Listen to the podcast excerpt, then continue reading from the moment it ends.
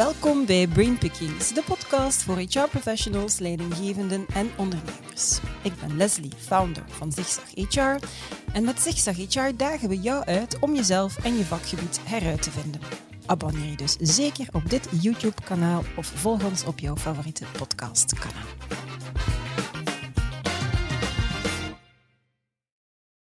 For Work draait om mensen. Met meer dan 100.000 uren coaching op de teller willen ze werk in Vlaanderen gelukkiger en veerkrachtiger maken. En daarvoor kunnen ze rekenen op een uitgebreid netwerk van coaches in Vlaanderen.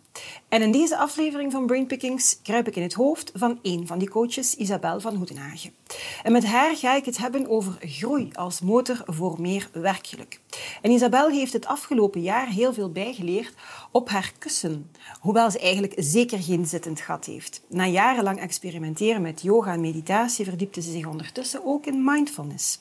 Geen zweverig gedoe, maar een wetenschappelijk onderbouwde methode die je met meer zelfvertrouwen en met meer veerkracht leert omgaan met de vele uitdagingen in het leven en op het werk.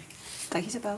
Dag Leslie. Alles goed met jou? Super blij dat we elkaar nog een keer kunnen terugzien. Ja, heel een, fijn. ja, ja, ja, De wereld gaat terug een beetje normaal worden. Wat denk je? Joepie. Isabel, we brengen een, eh, een aanzienlijk deel van ons leven door uh, op of voor het werk. Werkgeluk is ja, sowieso heel belangrijk hè, voor individuen, bedrijven, organisaties waar we werken. En onderzoek bevestigt dat wie dat niet goed in zijn vel zit, uh, wie dat goed in zijn vel zit, liever dat hij creatiever is, dat hij loyaler is, stressbestendig, productief hoe staat het eigenlijk met ons werkgeluk? Hmm. Sinds uh, eh, 2018 is er het een nationaal geluksonderzoek mm dat uitgaat van de Universiteit van Gent. En um, daar gaan ze eigenlijk na van in welke mate of hoe gelukkig is de Belg eigenlijk en meer specifiek hoe tevreden is de Belg op het werk. Ja. ja. Mhm. En daarin, uh, het laatste onderzoek was in 2020. En daar hebben ze eigenlijk um, vastgesteld dat uh, het aantal Belgen of het percentage Belgen dat uh, zegt van ik ben eigenlijk, ik voel me echt niet gelukkig op mijn werk. Concreet was dat die zichzelf een cijfer gaven voor werkgeluk van 5 op 10 of minder.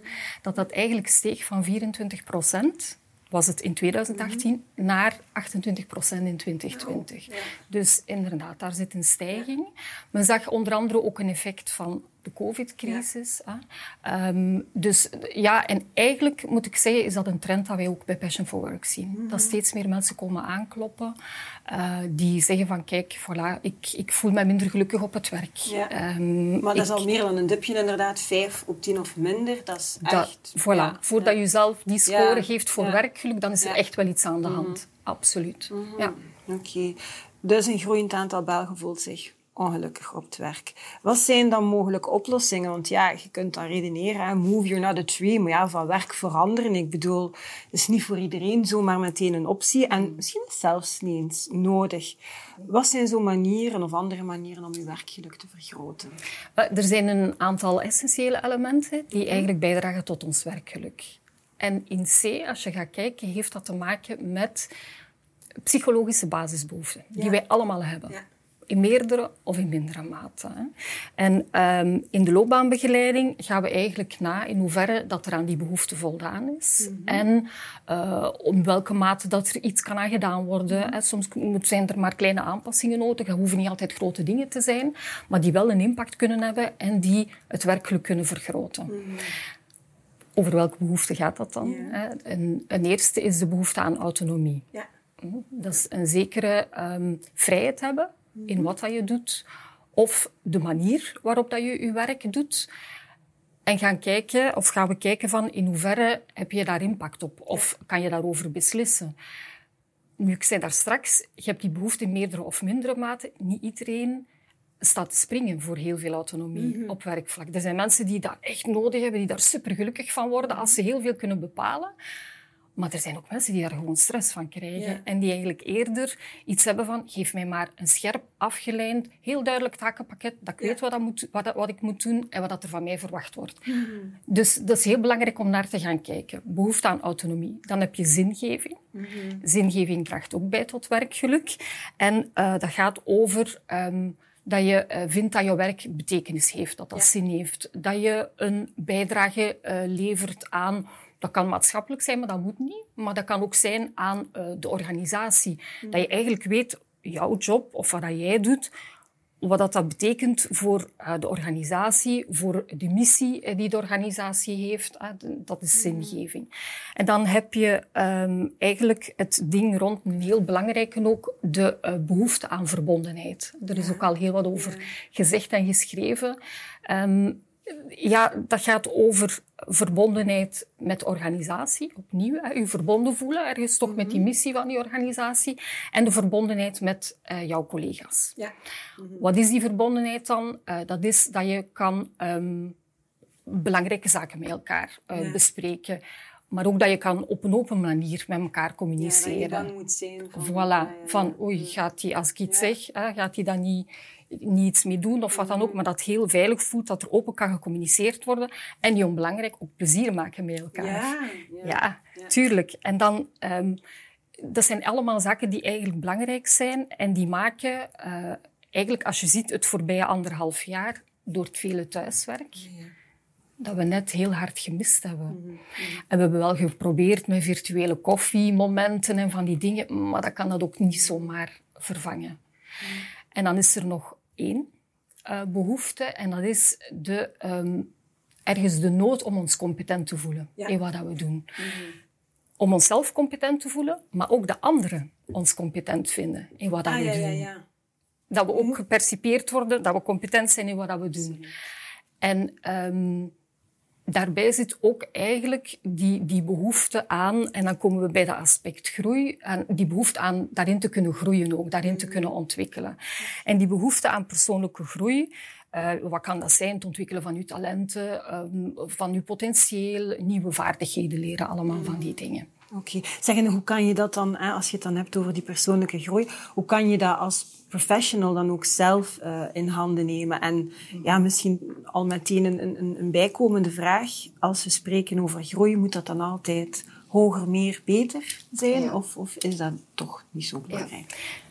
Ik ga eerst antwoorden op, op jouw eerste vraag. Um, eigenlijk begint het met zelfkennis. Ja. Oei, dat is al Oei. een probleem bij, bij veel mensen. Ja, die, absoluut. Ja.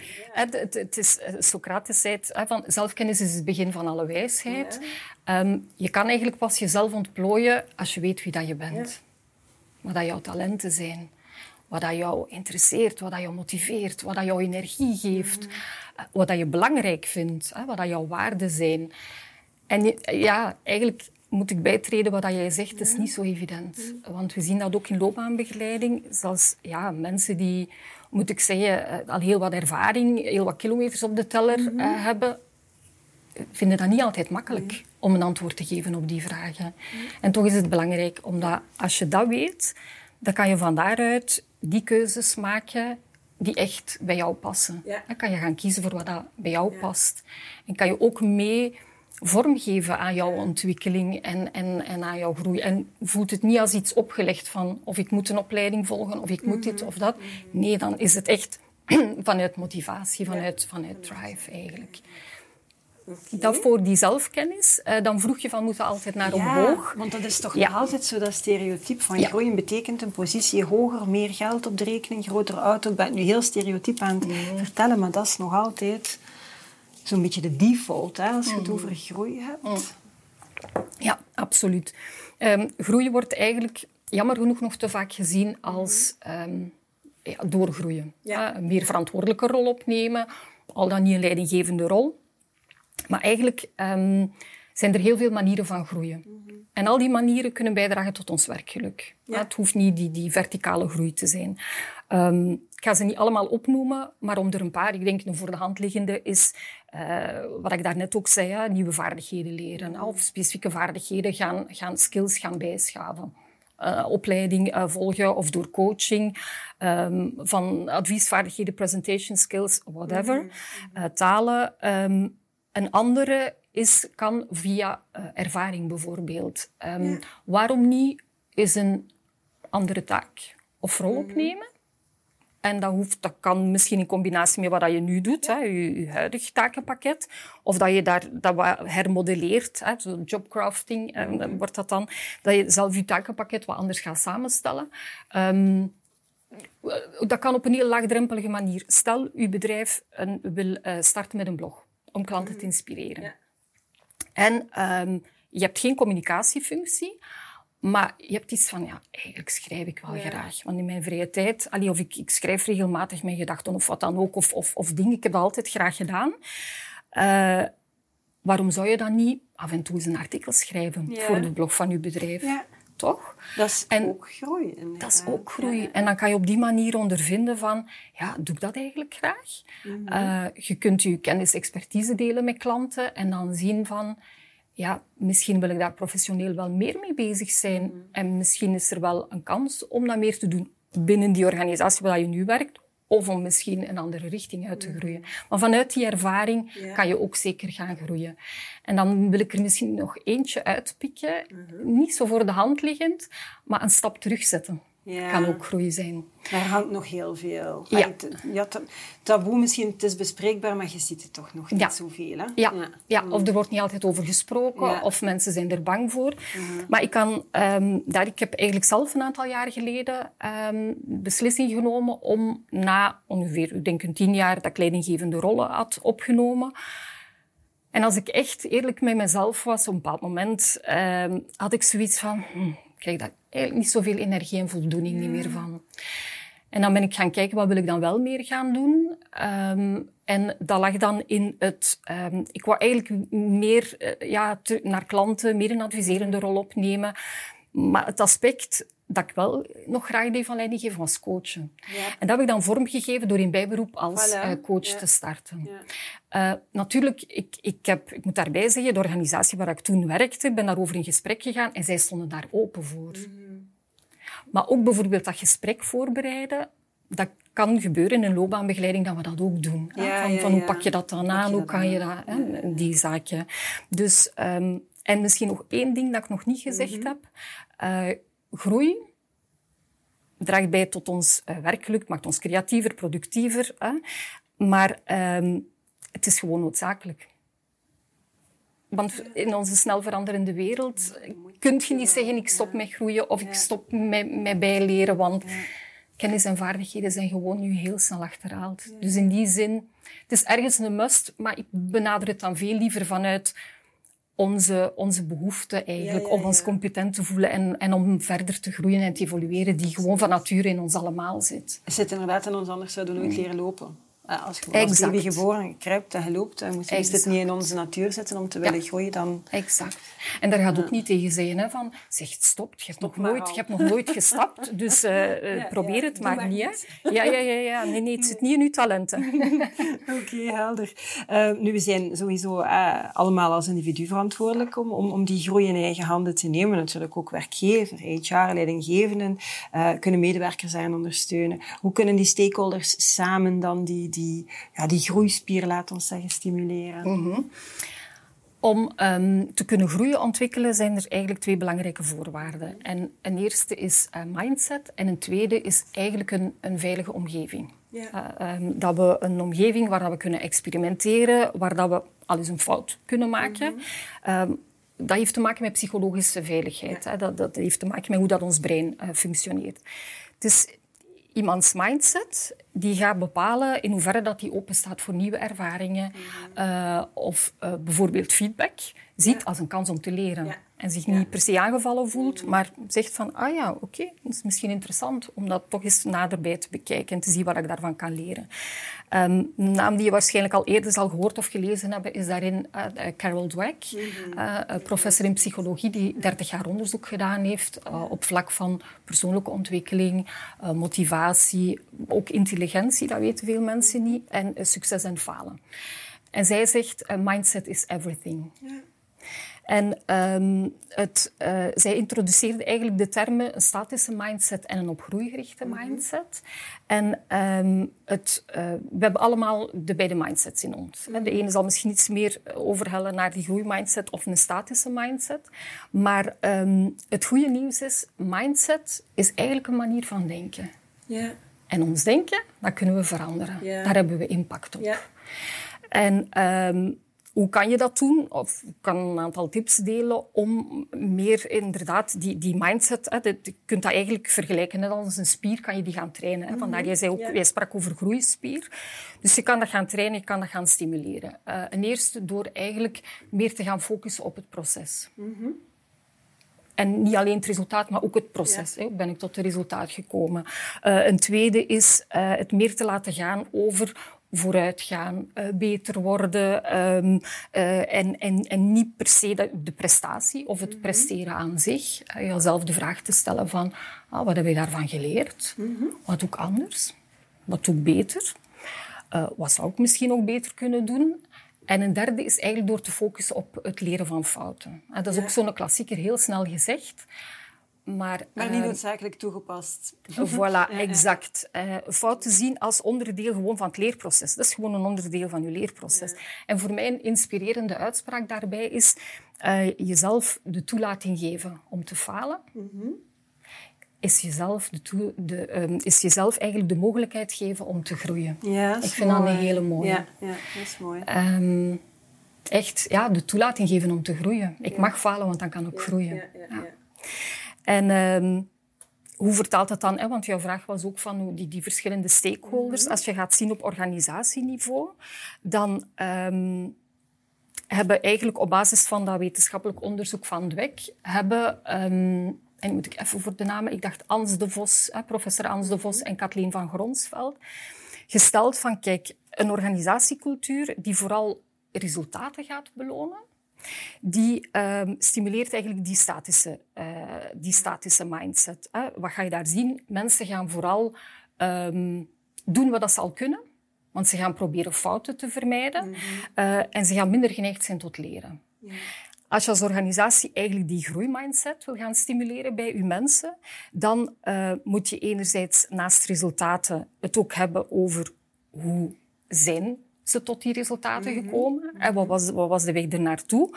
En uh, ook gelijkwaardige aandacht geven eigenlijk aan um, successen en aan die, um, die zaken die misschien ja, niet, niet waren zoals verwacht, die resultaten die niet waren zoals verwacht. Ja. Want op zich leren we allemaal evenveel van falen mm -hmm. als van onze successen. Ja. Maar je moet het natuurlijk moet bespreekbaar er, ja, maken en ervoor ja. openstaan in je ja. organisatie. Dus voor HR of leidinggevenden ga niet alleen zien van wat zijn de nieuwe vaardigheden hè, dat onze medewerkers geleerd hebben bijvoorbeeld, maar zie ook een keer hoe is die leercurve geweest? Welke inspanningen hebben ze geleverd? Tot welke resultaten heeft dat geleid? Um, wat, wat, wat, wat blijven we verder zetten? Wat gaan we anders doen? En dan krijg je eigenlijk ja, heel andere gesprekken en dat gaat ook helemaal anders voelen voor iedereen. En op zich stimuleer je ook die, die, die goesting om te groeien. Mm -hmm. En ook het leervermogen. Ja. En laat dat nu net een van de kritische competenties zijn. Ja, er werd gezegd van de toekomst, ja. maar we zitten er gewoon voor Ja, we zitten er helemaal in, dat klopt. Dat klopt. Oké. Okay. Um, misschien tot slot, Isabel, hoe, hoe, hoe kom je zelf tot, tot leren en tot groeien? Want ja, als loopbaancoach moet je natuurlijk wel het goede voorbeeld stellen. Hè? Ja, maar um, ik moet zeggen, persoonlijke groei, dat is ja, een van mijn kernwaarden. Mm -hmm. Dat is echt... Um, ja, ik, ik, ik hou er gewoon van. En ik vind dat ook belangrijk om als mens te kunnen, te kunnen blijven groeien, uh, te ontwikkelen. Um, ja, ik word heel graag geïnspireerd op allerlei mogelijke manieren. En tegelijkertijd is dat ook een valkuil. Mm -hmm.